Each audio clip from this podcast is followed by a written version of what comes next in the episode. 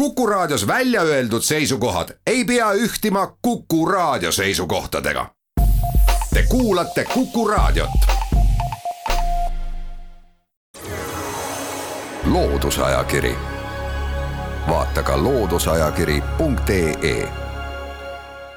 tere kõigile teile, head Kuku Raadio kuulajad. täna on saatekülaliseks Tartu Ülikooli makroökoloogia kaasprofessor Tsipe Aavik. tere. tere. mina olen saatejuht Tiia Rööp ajakirja Eesti Loodus mainumber, mis on pühendatud Eesti Ornitoloogia Ühingu sajandale tegutsemisaastale, on üsna linnukeskne, kuid seal leidub teisi teemasid ka lisaks linnuteemadele. ja üks artikkel, mis mind vast enam mõnest teisest loost kõnetas, on Tartu Ülikooli Ökoloogia ja Maateaduse Instituudi teadlaste ülevaade projektist Eesti otsib nurmenukke miks see lugu mind kõnetas, aga sellepärast, et tegemist on väga hea näitega, kuidas kodanikuteadusega on võimalik saavutada olulisi uusi teadmisi. laiem üldsus sai teada seda, et nurmenukkudel on eri tüüpi õied kahe tuhande üheksateistkümnendal aastal. varem vast see ei olnud nii üldlevinud teadmine. kaks tuhat üheksateist oli esimene kevad, kui kutsuti inimesi nurmenukke vaatlema ja nende tulemustest teada andma Tartu Ülikooli maastike elurikkuse töörühmas on nurmenukke uuritud juba kauem, kui kaua te neid uurinud olete? no me alustasime, ütleme, esimene aasta, kui me käisime vaatlemas esimesi neid nurmenukku selliseid asurkondi või populatsioone ja mõtlemas, et kuidas siis uuringuid edasi teha, oli kaks tuhat neliteist. ja tegelikult see sai kõik alguse sellest, et me soovisime uurida harilikku nurmenuku geneetilist mitmekesisust, tema liigisisest mitmekesisust, et me oleme harjunud rääkima elurikkusest või bioloogilisest mitmekesisusest, tavaliselt me mõtleme liikide arvu, aga väga oluline on ka liigisisene mitmekesisus, geenitasemel mitmekesisus. ja võtsimegi hariliku nurmenuku endale uurimisliigiks, et vaadata, kuidas need maastike muutused, mida meie töörühmas uuritakse, et kuidas nad lisaks liigilisele mitmekesisusele on siis mõjutanud ka liigisisest mitmekesisust ja meie uurimissüsteemiks on äh, Eesti niidukooslused või pärandniidud ja täpsemalt sellised lubjarikastel aladel esinevad loopealsed ehk alvarid Lääne-Eestis ja saartel ja Põhja-Eestis ja seal sellel harilikul nurmenukul väga meeldib kasvada ja sealt see siis kõik alguse sai, kui me neid uuringuid alustasime, kaks tuhat neliteist. milline on teie kogemus, kuidas nurmenukul Eestis läheb? No nurmenukku on jaa, nurmenukul läheb Eestis üsna,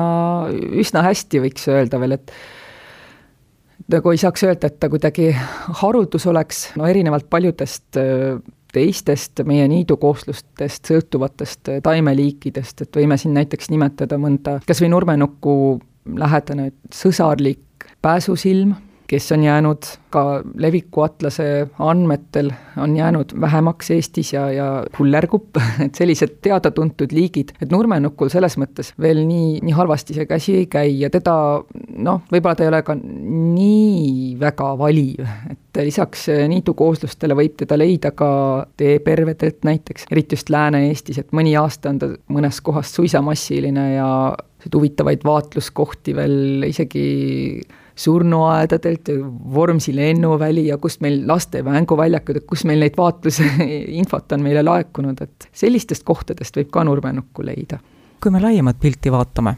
kas Euroopa kontekstis on meil palju parem nurmenuku olukord kui teistel riikidel? Jah, et kuna sellel aastal äh, nüüd esimest aastat oleme seadnud eesmärgiks vaadelda nurmenukkude õisi inimeste abiga üle kogu Euroopa, kus äh, harilik nurmenukk ongi, tema selline looduslik leviala ongi Euroopa et vaadelda üle Euroopa, siis äh, neid andmeid meil veel ei ole nurmenuku õite kohta, aga mis juba on praegu näha, et, et tõesti nurmenuku olukord äh, erineb riigiti, kohati üsna drastiliselt, et äh, on riike, kus harilik nurmenukk ei ole üldse enam nii harilik, on isegi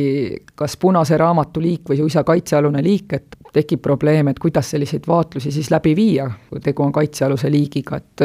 osalt võib-olla mõnedes piirkondades seetõttu on ta harult, pole nii tavaline, et ei ole selliseid sobivaid elupaigatingimusi, sobivaid mullatingimusi, aga ka seetõttu, et maastikud on lihtsalt niivõrd palju muutunud, needsamad niidukooslused, mis on kunagi tavalised olnud tegelikult kogu Euroopas, meil veel natukene rohkem neid on võib-olla võrreldes Kesk- ja Lääne-Euroopaga, et kus siis ka harilikul nurmenukul palju kehvemini käsi käib. Ja üks selline huvitav, huvitav äh, nüanss, et see on ka selline regionaalsed aspektid, äh, mis puudutavad harilikku nurmenukku kui rahvameditsiinis teada-tuntud ravimtaim, et ka ma arvan, et paljud eestlased on nurmenuku teed joonud ja võib-olla käivad isegi veel jätkuvalt ka kogumas nurmenukke kevadel, et siis talvekülmadeks valmistuda ja kuivatada neid nurmenukke tee tegemiseks. aga mõnedes piirkondades võib see ka probleeme tekitada, et näiteks meil on projektis kaasatud üks Kreeka teadlane, kellelt Kreeka ametkonnad palusid abi, kuna Kreeka, siis Põhja-Kreeka looduslikke populatsioone külastavad röövlid, kes tulevad siis kas ööpimeduses või, või niimoodi varavalges, tulevad äh, naaberriikidest äh, Kreeka lopsakamaid nurmenuku populatsioone külastama, koguvad sealt neid nurmenuku õisi sadade kilode viisi ja niimoodi kahjustavad neid populatsioone, neid nurmenuku populatsioone kohe märkimisväärselt ja, ja viivad need siis sajad kilod nurmenukke üle piiri ja kuivatavad need ja siis vahendajate kaudu müüvad mujale Euroopasse ja Ühendriikidesse just selle rahvameditsiinilise kasutamise eesmärgil. Ja Kreeka pani patrullid välja vahepeal, et tabada neid röövkorjajaid, võib öelda, et nurmenukkude röövkorjajad, et sellised probleemid tulevad ka välja, et on äh, maastike muutused, aga ka seal, kus neid taimi veel on, selline ütleme, üleekspluateerimine mistõttu võib ka mingi taimeliik üsna kiiresti harulduseks muutuda. kas sel kevadel on plaanis kutsuda inimesi üles nurmenukke jälgima ja, ja teile teada andma, me peaksime vast lahti rääkima ka need kaks erinevat õietüüpi. kuigi ajakirja Eesti Loodus mainumbris on väga head fotod, väga head skeemid, nii et kui sinna korra pilk peale heita, siis on asi selge, milline õis on L-tüüpi, milline on S-tüüpi, aga teeme proovi, räägime raadios ka sellest ja katsume rääkida, et äh, ma tegelikult võtakski sellise näitliku olukorra, et äh, ma olen inimene, kes tahaks ka osaleda selles projektis, anda oma panuse, et äh, kõigepealt tuleks siis üles otsida nurmenukud. Võib-olla te teate kuskil maakodu lähedal või kuskil tee ääres märkate nurmenukke, et minge siis nurmenukkude juurde ja, ja vaadake neid lähemalt kõigepealt vaadake ilma nurmenukke nüüd niimoodi väga drastiliselt kahjustamata äh, ühe ja teise õie sisse, vaadake, kas te näete erinevusi, nimelt äh, mõned nurmenukud siis enam-vähem circa pooleks. Nendel nurmenukkudel, kui te vaatate õie sisse või õie peale, on näha ainult üks täpikene ja see täpikene on taime siis emakas, naissuguorgan taimel. ja siis on teised nurmenukud, kelle õite peale vaadates me näeme tolmukaid, sellised suured lopsakad tolmukad. Ja on isegi õietolmu näha võib-olla, need on siis nii-öelda isassuguorganid taimel. Et esimene neist siis see, kus see täpike paistab, see emakas, seda me nimetame L-tüüpi õieks ja tegelikult ka need L-tüüpi õitel, kuigi paista või näha on see täpike, see emakas, siis seal õie põhjas on need tolmukad ka olemas. ja siis teist tüüpi, kus me näeme neid lopsakamaid tolmukaid peale vaadates, see on siis S-tüüpi, selle õietüübi puhul on see emakas on seal jällegi varjunud sügavale õie sisse ja alati on nii, et ühel nurmenuku isendil on ühte tüüpi õied. siinkohal me teeme jutuajamisse väikese pausi loodusajakiri, vaata ka looduseajakiri.ee. loodusajakiri jätkab. kuku raadio stuudios on Tsipe Aavik, Tartu Ülikooli makroökoloogia kaasprofessor, saatejuht on Tiia Rööp. enne pausile minekut jõudsime kirjeldada, kuidas eristada nurmenukkude L ja S-tüüpi õisi. miks on nurmenukule kui liigile kasulik kahte tüüpi õite olemasolu see on äh, selline nüanss, mille, mida ma nimetaks, võtaks kokku lausega, et ka taimedel pole ükskõik kellega paarituda. Mitte ainult inimesed ja teised loomad ei vali oma partnereid, vaid seda võivad äh, ka teha taimed, nimelt et nurmenukk, äh, nagu ka paljud teised taimeliigid, esiteks ta ei suuda iseennast viljastada, ise viljastamisvõime puudub. tal on vaja vahetada õietolmu teiste nurmenuku isenditega ja seda esineb päris paljudel taimeliikidel, aga, ja miks see oluline on? Just seetõttu, et hoida alal seda liigisisest mitmekesisust, seda geneetilist varieeruvust. Ja miks see geneetiline mitmekesisus või liigisisene mitmekesisus on oluline, mida geneetiliselt äh, rikkamad on populatsioonid, seda suurem on nende võimekus äh, igasugustele keskkonnamuutustele vastu panna, kas või näiteks kui me räägime kliimamuutustest või mingisugused muud keskkonna sellised aeglasemad või kiiremad muutused. Ja kui see, see mitmekesisus kahaneb või näiteks toimub äh, siis selline näiteks iseviljastuvatel liik-, liikide puhul või on, võib olla probleemiks selline sugulusristumine, ehk siis inbreeding, mida siis nurmenukk püüab vältida, aga tema, nurmenukk on astunud veel ühe sammu edasi nii-öelda, et nurmenukk, et viljastuda, see õietolm ei pea pärinema mitte üksnes teiselt äh, isendilt, vaid ta peab pärinema ka teist tüüpi isendilt. et S-tüüpi isendit saab viljastada ainult L-tüüp isendilt pärit õietolm ja vastupidi, et L-tüüp vajab kindlasti S-tüüpi õietolmu. selline huvitav nähtus, mida nimetatakse erikaelsuseks ja sealjuures on väga-väga oluline roll tolmeldavatel putukatel. putukas on siis see, kes seda õietolmu erinevate tüüpide vahel kannab või vahendab kosjasobitaja on. ütlesin meie jutuajamise alguses, et ähm, kodanikuteadlaste kaasamine kahel kevadel, kaks tuhat üheksateist, kaks tuhat kakskümmend, andis võimaluse koguda andmed, mis andsid teha väga olulisi järeldusi. mis need järeldused on? No seal on eh, jah, jällegi erinevaid kihte selles töös, et üks on selline fundamentaalteaduslik küsimus, et mis on siis erinevat tüüpi õite osakaal sellistes populatsioonides, seda nähtust uuris juba Charles Darwin tema oli see, kes eh, tegelikult välja nuputas, et miks nurmenukkudel on erinevad õietüübid, et tema täheldas ka seda, et tavaliselt on neid erinevaid tüüpe nurmenuku kogumikes pooleks S-tüüpi on enam-vähem viiskümmend protsenti ja enam-vähem viiskümmend protsenti L-tüüpi. aga väga palju ta seda edasi ei uurinud, ta oli küll väga-väga tähelepanelik ja ta on isegi nimetanud hiljem oma, oma memuaarides, et selle erikaelsuse tähenduse välja nuputamine on üks tema selliseid tähelepanuväärsemaid äh, pisiavastusi tema väga viljakas teadustöös aga ka hiljem on päris mitmed teadusgrupid seda uurinud, et kui palju siis ikkagi neid erinevaid õietüüpe on. Ja ka oletanud, et enam-vähem pooleks, aga mõnikord justkui nagu ühte tüüpi võib-olla oleks rohkem, mõnikord on nagu võib-olla teist tüüpi. Ja, ja samuti on viimaste aastakümnete jooksul ilmunud tööd, mis näitavad, et kui niidukooslused kaovad, need nurmenukkude meeliselupaigad kaovad ja nurmenukkude populatsioonid kahanevad, nende arvukus kahaneb drastiliselt või kollapseerub, et siis see õietüüpide osakaal läheb ka paigast ära.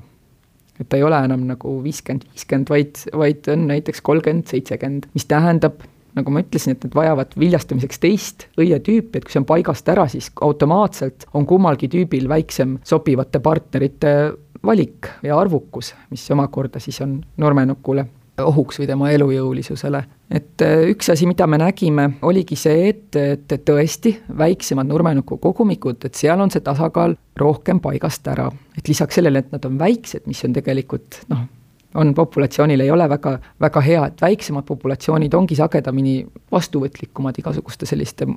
fluktuatsioonide, keskkonnamuutuste, kliimamuutuste suhtes, aga lisaks on tal siis see tasakaal paigast ära, mis muudab tema olukorra veel halvemaks ja teine asi, väga huvitav tulemus sellest uuringust oli see, et me leidsime, et süsteemselt tegelikult on ühte õietüüpi rohkem, ehk siis äh, jah, me leidsime, et äh, kõikide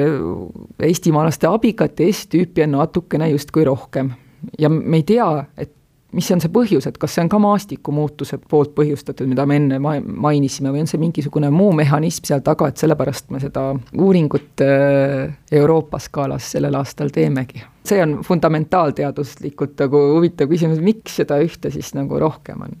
et, edasi vaadata kas on praegusel hetkel võimalik öelda ka, kui paljudesse Euroopa riikidesse meie nurmenuku otsimise kampaania või, või programm laieneb sel kevadel? praegu on äh, partnereid meil, kes on öelnud oma jah-sõna, et nad aitavad meil infot levitada koha peal kolmekümnest riigist kokku. selles mõttes enam-vähem on kogu Euroopa kaetud ja mõni päev tagasi täitus selline number nagu tuhat vaatlust, et noh, siin ta pole me veel õieti päris alustanudki, aga sealt lõuna poolt ja tegelikult on vaatlusi veel oluliselt palju rohkem, sest meil aitab äh, Inglismaa organisatsioon Plantlife, kes tegi suisa enda äpi, et oma, oma võrgustikku paremini kaasata nendesse vaatlustesse, et seal on ka juba kuuesaja kanti vaatlusi, et see tegelikult on juba jah, rohkem kui tuhat kuussada neid vaatlusi, et jah kas inglased ongi kõige innukamad nurmenukkude otsimise projektiga liitujad? tegelikult on veel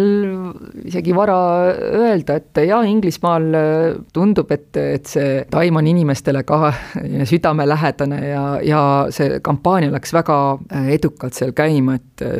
et nurmenukud jõudsid ära käia isegi BBC-s ja, ja ka mujal võeti nad väga soojalt vastu, aga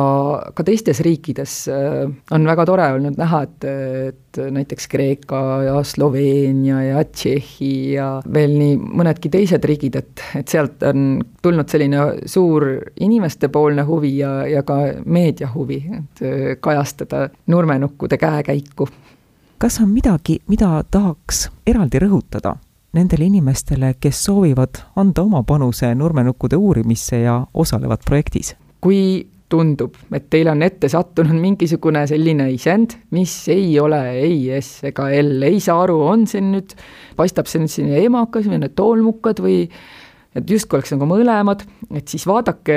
veel kohe selle isendi mitme õie sisse, et kui seal jätkuvalt valitseb selline segadus, et ei saa aru, ei ole võimalik ära määrata, kas see on see S või L, siis andke meile kindlasti sellest teada. Kellel on jaksu, see võib ka võtta sealt leheproovi geneetilise analüüsi jaoks, sellepärast et on Saksamaal üks teadlaste grupp, kes väga huvitub sellest, kui nurmenukkudel ja teistel nurmenukku sugulastel, et kui neil on need emakas ja siis tolmukad sama kõrgused, et nad uurivad, et mis on selle geneetilised tagamaad, et andke teada meile sellistest veidrikest nii-öelda, et kas siis kirjutage info